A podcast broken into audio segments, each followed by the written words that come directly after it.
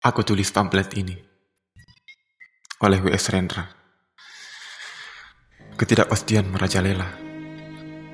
Di luar kekuasaan kehidupan menjadi teka-teki. Menjadi mara bahaya.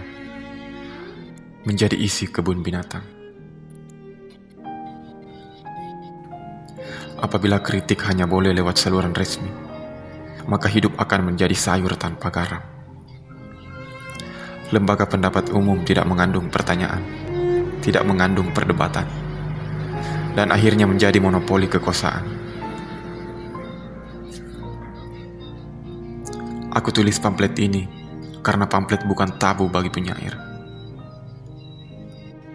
Aku inginkan merpati pos. Aku ingin memainkan bendera-bendera semapur di tanganku. Aku ingin membuat isyarat asap kaum Indian.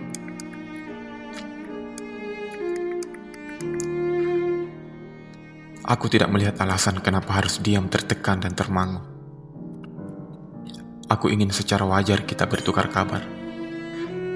Duduk berdebat menyatakan setuju dan tidak setuju. Kenapa ketakutan menjadi tabir pikiran?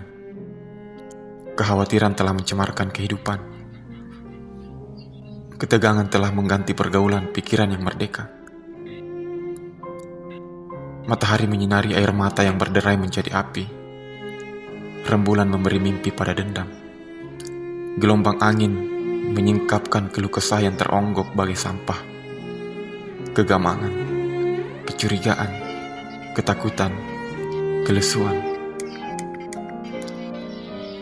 Aku tulis pamflet ini karena kawan dan lawan adalah saudara. Di dalam alam masih ada cahaya. Matahari yang tenggelam diganti rembulan. Lalu besok pagi pasti terbit kembali dan di dalam air lumpur kehidupan, aku melihat bagai terkaca. Ternyata kita, toh manusia.